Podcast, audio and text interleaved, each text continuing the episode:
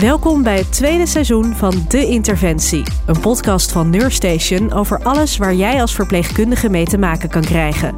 Ik ben Rebecca Looyen en vandaag ga ik in gesprek met vitaliteitscoach Nicole Schreuder, die zorgverleners helpt om zo fit mogelijk te blijven. We hebben het over alles wat bij vitaliteit komt kijken. Over voeding en beweging, maar ook over slaap en ontspanning. Deze aflevering wordt mede mogelijk gemaakt door Brede Rode Hogeschool. Welkom Nicole. Wat fijn dat ik met jou in gesprek mag gaan over vitaliteit bij zorgverleners. Waarom ben jij degene die ik hierover moet spreken? Ik kom zelf uit de zorg. En voordat ik in de zorg ging werken, werkte ik ook als oefentherapeut, als leefstijlcoach, als sportcoach. En wat ik nu eigenlijk aan het doen ben, is al die disciplines samen aan het mengen. Dus in de zorg zag ik hoe mensen aan het bukken waren, hoe mensen aan het uh, transfers aan het begeleiden waren bij de cliënten. En toen zag ik al van, hé, dat kan anders, dat kan beter. Los van hoe gebruik je alle hulpmiddelen die we hebben op de zorgwerkvloer, hoe gebruik je dan je eigen lijf? Dus dat vind ik echt mijn kracht. Naast dat ik weet hoe en wat een verpleegkundige meemaakt, weet ik ook hoe dat gaat in de, de ergonomie vanuit de oefentherapie. En hoe het gaat met gedragsverandering. Want het is niet makkelijk om iets aan te passen. Nee, helemaal niet als je leven al ontzettend druk is natuurlijk. Nee, dat klopt. En dat is ook vaak het uh, reptiele brein, hè, die dan zegt tegen jou in je hoofd van... doe maar niet veranderen, want we redden het toch al zo lang. Ja, of ik kan me voorstellen als je het hebt over tillen en uh, bukken en dat soort dingen... dat gaat ook gewoon op de automatische piloot. Ja, ja, van niet een bed ietsjes hoger zetten. Gewoon eventjes de patiënt onder de armen pakken ietsjes naar omhoog schuiven, klaar en door. Dat klinkt vaak efficiënter, hè, sneller geregeld, kan sneller door een volgende patiënt helpen. Maar of het daardoor ook zo goed voor jezelf is. Ja, en je zal dat bij één iemand niet meteen voelen, denk ik. Nee. Maar op de lange termijn ja. zeg jij dat geeft toch echt wel klachten. Ja, ja, en vaak is het ook van hoe meer je dit soort dingen doet op de werkvloer, van eventjes dit, eventjes dat, dat zijn vaak ook de mensen die zeggen na een werkdag van ik ben op, ik ben klaar, ik ben blij dat ik op de bank kan gaan zitten. En dat hoeft niet zo te zijn? Nee, zeker niet. Dus hoe efficiënter je eigenlijk je hele werkdag inplant, voor zover we dat in de hand hebben. Hè? Want op de intern gebeurt van alles en nog wat tegelijkertijd dwars door elkaar. Dus de planning is dan ver te zoeken. Maar dan nog, hoe jij je eigen lijf inzet, heeft heel veel effect van hoe jij je eigen lijf en mentale stukje nog in je vrije tijd kan gaan gebruiken. Ja, dat is ook wel leuk als je daar nog wat energie voor ja, overhoudt. Ja, altijd fijn. Ja, dus eigenlijk begrijp ik dat jij een aantal disciplines onder de knie hebt en bij elkaar voegt. En dan ook nog eens zelf in de zorg hebt gewerkt. Dus precies weet uh, wat je wel en niet kan, uh, waar je behoefte aan hebt. Ja. Um, maar ook begrijpt als er misschien door de werkdruk gewoon niet altijd ruimte voor is om iets op een handigere manier te doen. Ja, klopt. In de thuiszorg waar ik eerder werkte, is het wat anders als het ziekenhuis waar ik werkte of in het hospice waar ik gewerkt ja. heb. Nou, we gaan het dus hebben over vitaliteit. Daar komt nogal een hoop bij kijken natuurlijk. Uh, vitaliteit is best wel een heel breed begrip. Uh, Ja. Van slaap tot voeding, uh, beweging, mentale gezondheid, je grenzen aangeven, ontspannen. Het is een hele hoop. Misschien goed om te beginnen met wat is voor jou het allerbelangrijkste dat je echt als eerste aan moet pakken als je je wat beter in je lijf wil voelen? Het eerste wat ik zou aanpakken is hoe gaat het met jouw ontspanning? En ontspanning is eigenlijk de ontspanning als je wakker bent, maar ook de ontspanning als je slaapt. Mm-hmm. Dus hoe deel je dat in? Want dat is echt uh, je mentale en je fysieke herstel. Dus heb je dat onvoldoende, zowel overdag als in de nacht, of omgedraaid hè, als je in de nacht aan het werk bent, dan gaat je nekken. Ja, je zegt hoe je, dat, hoe je dat indeelt, maar als je slaapt kan je daar toch niet zo heel veel impact op hebben. Ja, dat, dat denken heel veel. Van dan ga ik uh, slapen, ik leg mijn hoofd op het kussen en met een beetje geluk ben ik weg. Ja. Maar alles wat je doet als je wakker bent, is een voorbereiding voor wat je Ja, s'nachts... precies. Ja, Dus, dus als je eenmaal in slaap bent gevallen, dan kan je er niet zoveel invloed meer op uitoefenen. Maar Nee. je kan vooraf wel zorgen dat die slaap optimaal gaat zijn. Klopt, klopt. Ja. Dus eigenlijk zeg je uitgerust zijn en genoeg energie hebben in je slaap is dus belangrijker dan. Ja, het klinkt heel, heel zwart-wit nu, hè? Maar Mhm. belangrijker dan eh, je voeding eerst aanpakken of vaker gaan sporten eh, of ehm, minder uren gaan werken, dat soort dingen. Ja, ik denk dat het inderdaad start met slaap. En je zei al, het is niet zo zwart-wit. Want je kunt heel goed slapen en daarna naar de McDonald's gaan. Dus hoe handig is dat? Niet heel erg. Dus alle facetten komen bij elkaar. Maar ja, slaap is echt wel je batterij. Ja. Maar eigenlijk is voeding dat ook. Dus wat stop je in je Ja. mond? Wat voor brandstof geef je jezelf? We weten allemaal natuurlijk ook wel dat het belangrijk is om voor onszelf te zorgen. Dat hoor je overal. Daar, Ja. daar kan niemand ontkennen. Het is belangrijk om voor jezelf te zorgen. Maar hoe pak je dat nou eigenlijk aan? Want dat is best wel lastig. Ja, ja, en vooral omdat we zoveel ballen hebben hoog te houden. Hè? En op de werkvloer wordt het steeds drukker. Thuis heb je het druk. Begin met hetgene wat voor jou het makkelijkste is. Dus je gaat kijken eh, bijvoorbeeld naar je slaap, waar we het net over hadden. Maar ook naar je voeding, naar je beweging, naar eh, een stukje zingeving. Waar wil jij mee starten?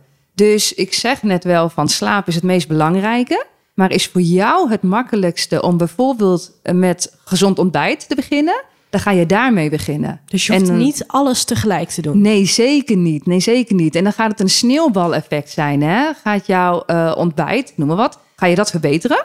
Dan ga je daar effect van merken. En dan gaat je lijf, jouw psyche denken, hé hey, verrek, ik wil nog een beetje meer. En daarna ga je bijvoorbeeld naar je lunch of naar je avondeten of naar je beweging. En door die eerste stapjes heb je waarschijnlijk ook meer energie om dat te gaan doen. Doordat Yes. je meer brandstof krijgt door je voeding, heb je meer energie om ook nog even een half uur te gaan lopen buiten s'avonds. Ja, ja. ja. En dat is het. Het is echt die kleine stapjes die gewoon ja, voor een heel groot effect gaan eh, zorgen.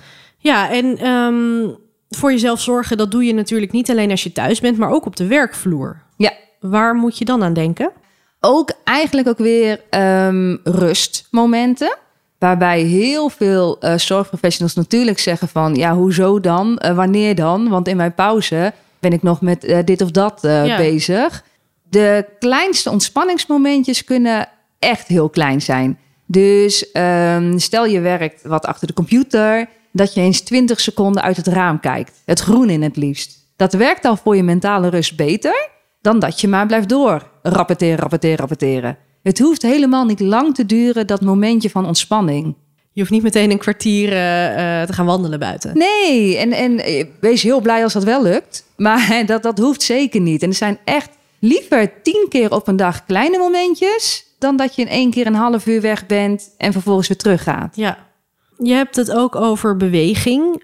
Nou is eh, de zorg bij uitstek een sector waar je toch al genoeg beweging krijgt. Je zet mega veel stappen op een dag. Ja, de gemiddelde zorgprofessional die zet al veel meer stappen dan de gemiddelde eh, eh, Accountant. Accountant, of, ja, ik zag- ja, iets- iemand- iemand, achter de kassa bij, Ja. bij de supermarkt. Ja, ja, die zit op 2.000, 3.000 eh, per dag misschien. Echt? Tijdens het werk? Heel weinig. Tijdens het werk. Ja. Of misschien wel tijdens de hele wakkere tijd Dat over de is- dat is 24. wel weinig, ja. Dat is heel weinig, ja, ja. Dus in de zorg, dan maak je wel je stappen. Alleen het is en je stappen maken... en het is je krachttraining... en het zijn je balansoefeningen. Dus er komt veel meer bij kijken. Want ja, het is weer een compleet plaatje. Met alleen maar wandelen kom je er niet. Terwijl dat al beter is dan niet wandelen, dan helemaal niks doen. Maar het is weer een compleet plaatje. Maar ligt het ook niet aan wat jij zelf prettig vindt? Wat je, misschien je doel is bijvoorbeeld. Beweging aan zich, op welke manier dan ook, is toch gewoon goed? Ja, dat is waar. Alle bewegingen zijn goed, dat klopt helemaal. Maar wil je dus eh, langer fit blijven, dan heb je onder andere je spiermassa nodig.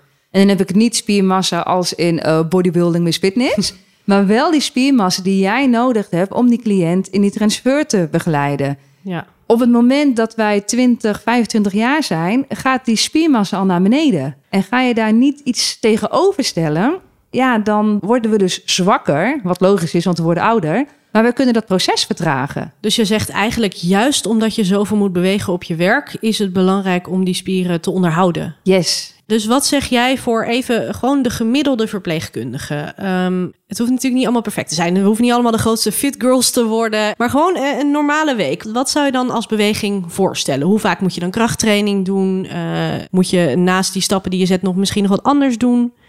Ja, ja, als je wil verbeteren, dan moet je iets meer doen dan dat je deed. Want anders dan blijf je op hetzelfde niveau als wat je had. Dus als je het over eh, de normale fietsen en wandelen hebt, dan is dat eigenlijk dat je drie keer per dag minimaal 10 minuten in beweging bent. Maar dat ben je al op de werkvloer. Ja, Dus dat, die Oké, kun je die heb je afvinken. Die kun je. Ja, afvinken. Tenzij je dus een ochtenddienst hebt, beweeg dan nog eventjes in de avond. Gewoon een rondje met het hondje, eh, dat. Maar dan komt de krachttraining erbij. Dat doe je minimaal echt twee, het liefst drie keer in de week. En dat kan natuurlijk bij een sportschool, maar dat kan ook net zo goed thuis. Want met mijn lichaamsgewicht en zwaartekracht kan ik alles doen. Ik kan een app zetten op mijn telefoon en ik Mhm. kan dan kiezen: ik wil nu mijn benen trainen in vijf minuten klaar. Ik wil Ja. nu mijn bovenlichaam trainen. Het is wel belangrijk dat je minimaal drie setjes doet. Dus ik ben bijvoorbeeld aan het squatten, hè, dat zijn die kniebuigingen. Dat doe ik ongeveer 10 tot 12 keer. Eventjes pauze, nog een keer 10 tot 12, even pauze, nog eens 10 tot 12. Maar die laatste drie herhalingen van die 10 tot 12, Ja. die moeten pittig zijn.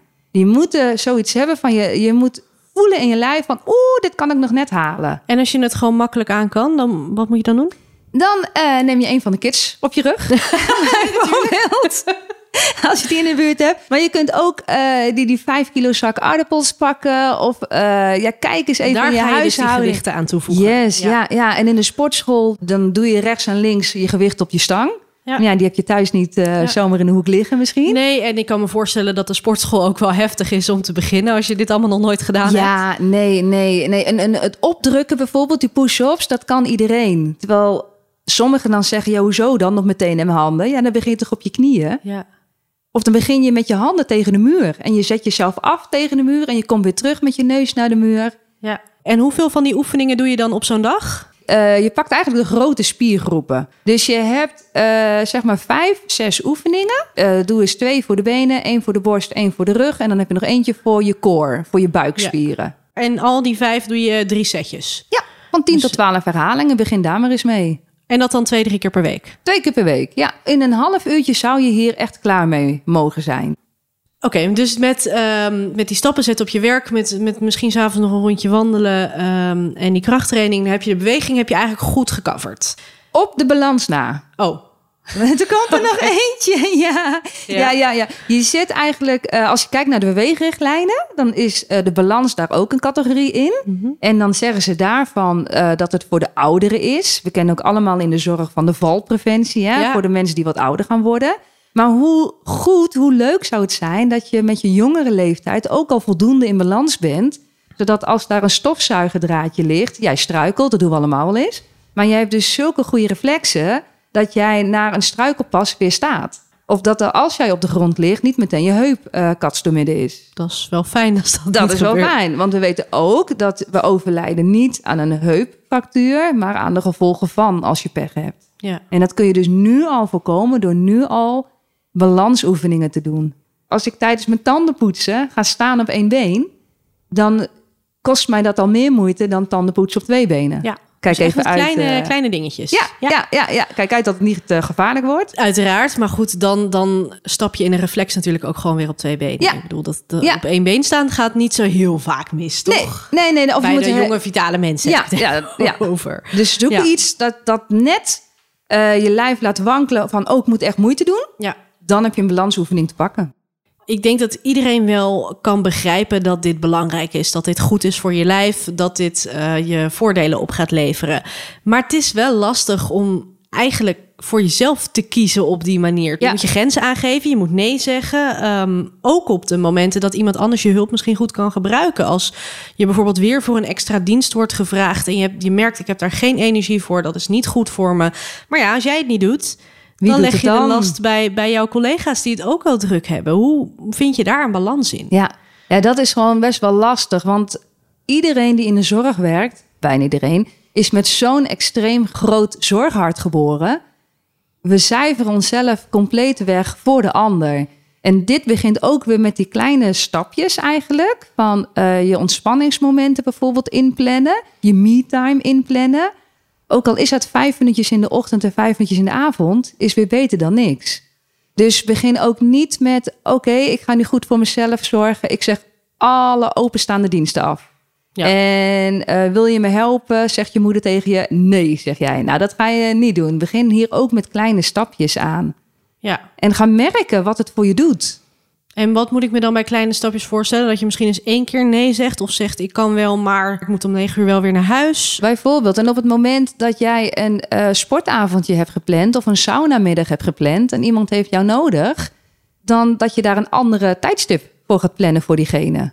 Voor de andere persoon. Voor de andere persoon. dus je Dus jouw niet sauna- jouw eigen plannen cancelen. Nee, want dat is het. Op het moment dat we druk zijn, dan het eerste wat vervalt zijn onze eigen me-time momenten. Ja. En daar zouden we mee mogen stoppen. Wat ik zelf ook deed in de zorg is, eh, ik weet mijn weekrooster. Dan is het zondagavond, ook standaard zondagavond in mijn geval. Mhm. Ging ik eh, mijn rustmomentjes en mijn leuke momentjes, wat ook rust is trouwens, eromheen plannen. Want mijn dienst is mijn dienst. Ja. En wat kan ik wanneer wat doen? Dus ik heb ook altijd drie keer in de week, vier keer in de week bijvoorbeeld gesport.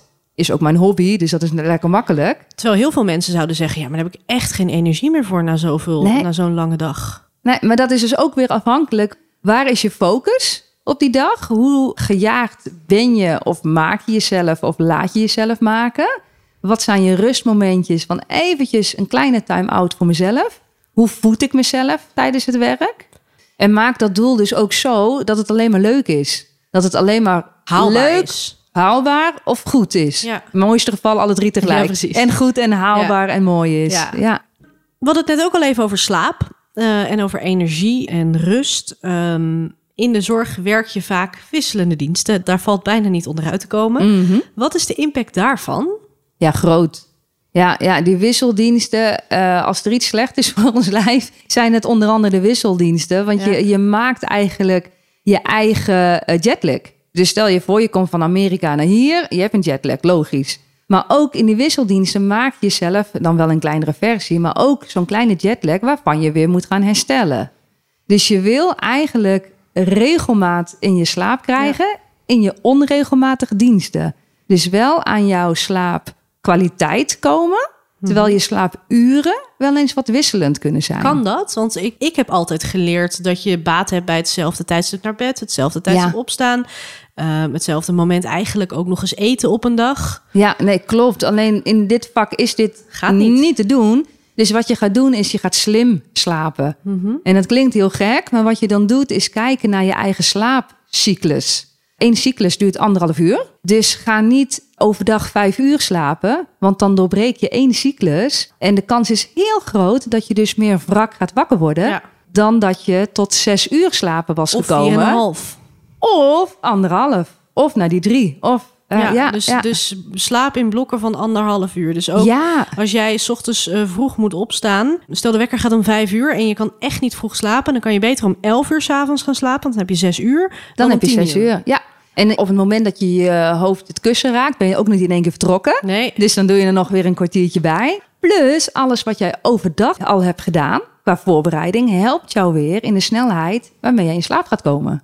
Je zegt voorbereiding. Wat moet ik me daarbij voorstellen? Dat zijn echt die ontspanningsmomentjes. Dus die kleine, korte momentjes voor jezelf.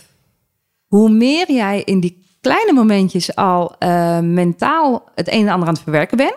Dus oeh, die eh, lastige eh, situatie hier, daar vond ik wat van. Daar kun je over nadenken. Klaar, even heel zwart-wit hè. Mhm. Maar zou je dat allemaal opstapelen naar het moment dat je gaat slapen? Met een beetje geluk doe je dat in de nacht. Of überhaupt van plan zijn om er niet over na te denken en maar Precies, wegduwen. Ja. komt het moment dat je in bed ligt en dan ga je en inderdaad even dan, piekeren. ja, ja, ja, want dan heb je dus heel veel tijd nodig voor dat men, stukje mentale verwerking. Ja. En dan heb je dus minder tijd voor je fysieke herstel. Dus dat speelt heel erg op elkaar in. Dus alles wat je overdag doet, is ter voorbereiding van de nacht. En als je overdag slaapt, ga je ook rekening houden met steeds die anderhalf uur cyclus. Dat je niet te snel of juist te lang blijft liggen. Plus als je gaat voorslapen, je eerste nachtdienst, zorg er dan dus ook voor dat dat anderhalf uur is, dat dat drie uur is, dat het vier en een half uur is. Ja. En als je een powernap hebt, Die duren toch doorgaans geen anderhalf uur? Nee, nee, die duren doorgaans 20 minuten. En voordat jij in die diepe slaap belandt, zijn die 20 minuten voorbij. Heeft dat zin? Ja, Is dat zeker. genoeg? Ja, dan ben je net even een beetje opgekalefaterd. Ja. Zou je er na drie kwartier wakker worden, dan heb je grote kans dat je in die diepe slaap En dan draai je wordt. om. En dan draai je om of je wordt strontzagrijnig Ja. wakker. Hoe zorg je eigenlijk überhaupt dat je beter gaat slapen? Ehm, als je bijvoorbeeld iemand bent die s'nachts snel wakker wordt... of eh, vaak ligt te woelen in je slaap... of vroeg wakker wordt of, of juist moeilijk in slaap komt. Ja. Hoe zorg je dat je je slaap optimaliseert? Ja, dat is echt kijken van wat is dan de oorzaak van het woelen. Hè? Is dat eh, ik ben aan het woelen omdat ik nog allemaal mentale prikkels aan het verwerken ben. Bijvoorbeeld, ik ben nog aan het scrollen geweest en Netflix film aan het kijken. eh, en dan vijf minuten later wil ik gaan slapen. Nou, dat eh, kan wel. Maar je, mentaal nog iets aan het doen. Dan ben je die enge film gaan verwerken Ja. Wat ook kan, is je hebt bijvoorbeeld rugklachten. Jouw matras is niet meer zo heel erg lekker voor jou. En ben je daardoor door Ja. aan het woelen. En ook van hoe laat heb jij voor het laatst bijvoorbeeld koffie gedronken? Koffie duurt ongeveer vijf tot zeven uur, ca- Wow. cafeïne dan, hè, voordat het uit je systeem is. Dat is lang. Dat is best lang. En, en alcohol doet ook geen wonderen. En chocola ook niet. Plus Dus alle bewerkte. Eigenlijk zelfs dat, dat koffietje na het eten is al funest. Terwijl Ja. je ook al ga je pas drie, vier uur daarna slapen. Ja, ja, ja, het doet iets tegen jouw kwaliteit van slaap. Ja. Dus je kunt nog steeds zeggen van, ja, maar ik slaap als een baby. Maar je kwaliteit gaat naar beneden. Dat hoor je ook vaak over alcohol, hè? Ja, werkt heel goed om snel in slaap te vallen. Ja. maar je kwaliteit, ja, ja. Je slaapt niet diep. nee, je slaapt echt niet diep. Nee. Nee, en wat kan ik me er verder nog bij voorstellen? Eh, ik kan me voorstellen dat misschien ook de ruimte waarin je slaapt, Ja. dat dat van invloed eh, is. ja. Hoe donker is het? Hoe koel is het? Eh, Stil. Hoe stil is het? Vooral overdag, hè, als het zomer is en de kinderen plonsen buiten in het zwembad. En ehm, hoe dik is jouw dekbed? Best wel een heel aantal dingen hebben met een goede slaapkwaliteit te maken. Ja. Zijn er eigenlijk nog andere trucjes die je kan toepassen als je overdag een energiedip krijgt? Van die momentjes dat je denkt, oh, mijn ogen vallen dicht. Maar ja, je zit achter je computer op het werk. Je kan echt niet die 20 minuten powernap doen. Hoe kom je dan toch uit zo'n ja, zo'n momentje dat je denkt, oh, ik had eigenlijk even mijn ogen dicht willen doen? Ja, ja, dat is aan de ene kant kijken van waarom heb ik een dipje? Mhm. Is dat eh, bijvoorbeeld dat je iets met hoge koolhydraten hebt gegeten, bewerkte suikers hebt gegeten? Krijg je een grote eh, sugar rush van, hè? maar Ja. daarna land je in dat dipje, dus word je moe. Of is dat, heb je bijvoorbeeld in jouw eh, slaap niet goed geslapen en kun je daar dan wat mee doen? Sowieso is bewegen en in de buitenlucht zijn is een hele goede voor om wakker te worden. Dat doet meer voor je, wat beters voor je, dan dat je er een sloot koffie in giet Ja. en denkt van zo, ik ben er weer. En dat zijn eigenlijk symptoombestrijdingsmaatregelen. Ja, maar op dat moment kan op je dat moment, ja, nee, dan kun je Ja. niet met terugwerkende kracht eh, even iets anders in je mond stoppen. Ik denk ook dat even je ogen van het beeldscherm af ook... zeker, zeker. Ze zeggen ook wel 20 minuten naar een beeldscherm staren en daarna 20 seconden eh, ervan afkijken. Dat hoor ik heel vaak, maar toch... Ja, ik geloof dat het werkt. Maar als ik zit te werken, denk ik niet... oh ja, het was al 20 minuten. Ik moet nu even, even ergens anders naar kijken. Hoe eh, moet je dan echt timers gaan zetten? kan. Als je die reminder nodig hebt, dan kun je inderdaad een timer zetten van je horloge of op je beeldscherm hè, die wat doet. Wat je ook kan doen, is als jij één rapportage gedaan hebt of één A4'tje hebt gelezen of iets wat ongeveer 20 minuten duurt, dat je eh, dan je handen in je nek legt, jezelf eens even helemaal uitrekt met je gezicht van het beeld af. Dus dan is, eh, wat je eigenlijk doet, is iets nieuws koppelen aan iets ouds. Ja. Dus scrollen naar beneden op je, of een, een tabblad, hè, dat je een nieuwe pagina leest, staat gelijk aan eventjes naar buiten kijken. Ja. Of even opstaan, om vervolgens weer te gaan zitten. Ja, dus je kan het ook aan acties koppelen. En als het dan niet precies 20 minuten is, dan Oh, maakt het joh. niet zo heel veel uit. Nee. Maar Ja, je gaat het echt koppelen wat je zegt. Ja. Laten we het dan nog even hebben over een ander belangrijk aspect. Voeding. Wat voor impact heeft dat op hoe fit je je voelt? Heel veel. Heel veel. Het ligt eraan of je jezelf aan het voeden bent met gezonde eh, voeding waar je lijf heel wat uit kan halen, hè, om juist energie te krijgen. Voedingsstoffen? Voedingsstoffen, vitamine, mineralen, Ja. koolhydraten, vetten, eiwitten. Ja. Of ben je zelf aan het vullen en dat zijn vaak de bewerkte eh, voedingen en dranken uit de supermarkt. Ja, de verleidingen. De verleidingen en daarvoor moet jouw lijf heel veel energie geven om eigenlijk die troep, noem het maar, die troep te kunnen gaan verwerken. Maar het is niet helemaal slecht, toch? Ik bedoel, het doet ook iets voor je als je met z'n allen uit eten gaat en, en een toetje eet. Of Ja, een, nee, een puntje zeker. taart op een verjaardag. Het Zeker. heeft ook geen zin om alles in je hoofd te gaan verbieden, toch juist? Nee, nee, verbieden wordt niemand blij van, Nee. inderdaad. Maar het is wel een bewuste keuze maken van ik stop dit in mijn mond. En dat kan deze consequentie hebben. Ja. En drink ik één wijntje, dan is het heus niet dat ik er eh, een half jaar daarna nog een last van heb. Bij lange na niet. Maar ga ik dat eh, elke dag doen? Ja. Of ga ik dat eh, tijdens de lunch al doen? Ja, dan gaat het een ander effect op mij hebben. Dus je zegt eigenlijk kan je alles eten en drinken wat je wil en waar je gelukkig van wordt, maar doe het wel bewust. Ja, er komt een consequentie aan. Hè? Dus Mhm. als ik er bewust voor kies om naar de McDonald's te gaan, dat ik dan ook ermee eens ben dat het mijn lichaamssamenstelling negatief beïnvloedt. Ja. En als ik daar oké mee ben, ja, dan is het goed. Wat is belangrijk eigenlijk bij een goed voedingspatroon? Of laten we het even hebben over een maaltijd misschien. Waar moet een goede maaltijd uit bestaan? Eigenlijk wil je het dus zoveel mogelijk onbewerkt hebben. Ik heb ook wel eens iemand horen zeggen van als je oma, moet je wel een oude oma hebben, als je oma het niet herkent, ga het dan niet in je mond stoppen. Want dan moet het wel bewerkt zijn. Want oh ja. alles wat goed is, bestaat natuurlijk al eeuwen. Ja. M&M's bestaan niet zo Nee, maar ik heel denk erg dat iedereen wel weet dat dat bewerkt is. Maar als we het dan hebben over... ehm, ik schrok laatst toen ik een, een pakje tomatenblokjes met knoflook had. Ik dacht, dat is tomatenblokjes met knoflook. Ja, Daar zat allerlei zooi in. ja, ja, het is echt olie, schandalig. olie ook en zo. Dat ik dat, maar dat wil ik helemaal Nee, niet. nee.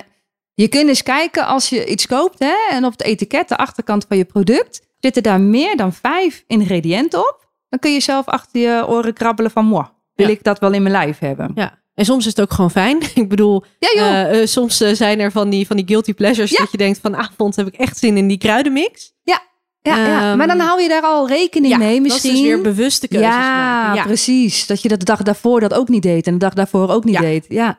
En als je dat doortrekt naar je bord, dan kun je dus ook kijken van hoe zitten de verhoudingen dan. Hè? Dus Ja. hoeveel van mijn bord vul je met je groenten? Hoeveel met je aardappel slash spaghetti slash rijst, couscous of wat je eet? En hoeveel vlees of vis of een vleesvervangende iets? Wat je wil is dat eh, de helft minimaal met eh groenten gevuld is. En wat je ook eh, kan doen is letten op de kleuren Mhm. groenten op je bord. Want wat in de broccoli zit, zit niet in je, noem eens wat leuks, in je courgette. Dat is allebei groen trouwens. maar hoe meer groen... Je gele paprika. Ja, ja, ja, ja, ja. Want er zit dan net ook weer eh, nog meer anders in dan als je alle groene groentes bij elkaar bekijkt.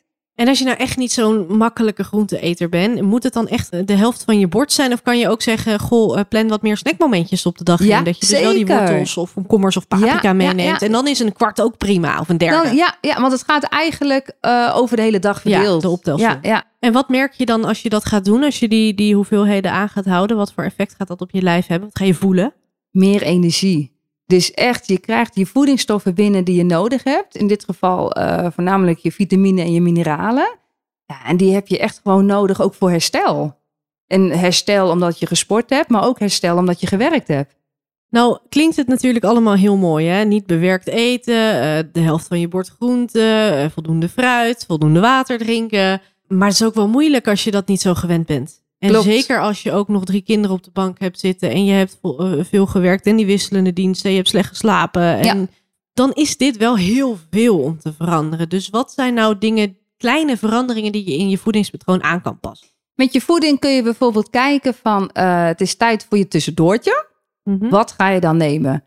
Kies je eh, de tractatie die je van een cliënt hebt gekregen, of heb je zelf iets bewust al in je tas gedaan? Ja. Dus je banaantje of je appel. Wat je ook kan kijken is, heb je sowieso je tussendoortjes wel nodig? Of is jouw ontbijt en lunch en avondeten al voedzaam genoeg? Want Ja. wij hoeven geen tussendoortjes te eten om te kunnen blijven staan.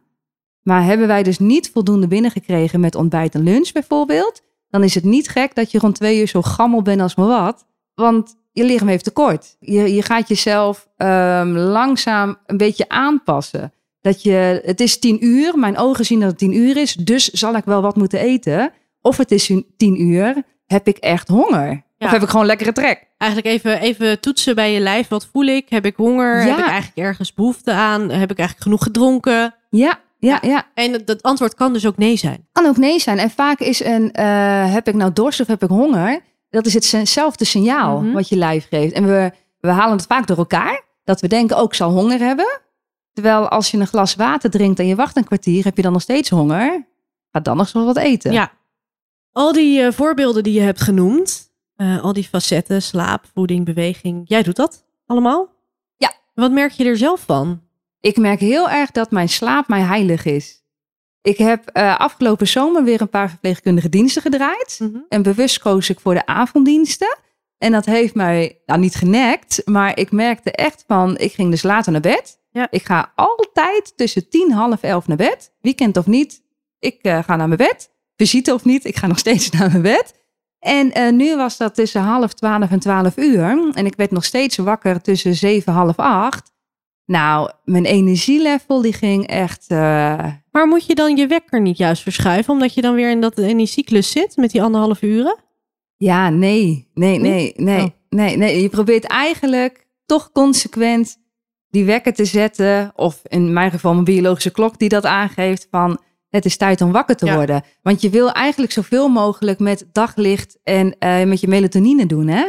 Wat al lastig wordt, want om 12 uur is al lang de zon onder. Dus uh, waar is een melatonine dan? Maar dat je wel voldoende daglicht ja. binnenkrijgt. En ik merk het in, ja, in mijn energie, in achter de kinderen aan kunnen rennen, op de trampoline kunnen springen, uh, zonder dat mijn bek en bodem er wat van vindt. um, als ik mezelf vergelijk met sommige moeders van mijn leeftijd en uh, je stond dan op school te wachten. Ze zijn nu inmiddels 14 en 15, dus ik wacht helemaal nergens op de schoolplein. Maar dan zie je best wel wat verschillen dat ik bijna een uitzondering ben vergeleken met de andere moeders. Maar ja, wat is dan de norm? Hè? De norm die, die verschuift een beetje. En ik voel mezelf uh, ja, meer 30 dan dat ik me 45 voel. Dat is op zich een mooi streven, toch? Ja, ja, ja. En dat kan je dus ook bereiken, want jij, jij doet het al heel lang. Uh, je bent al heel lang actief. Uh, je sport al heel lang ook als je dat al die jaren niet hebt gedaan, dan nog kan je dat gevoel dus bereiken. Zeker, want je, je, je, spieren die kunnen zich blijven ontwikkelen. Ook al ben je 70 en je gaat starten, dan zul je je spiermassa zien opbouwen. Heus niet als zelfs als toen je 20 was en zou gaan starten.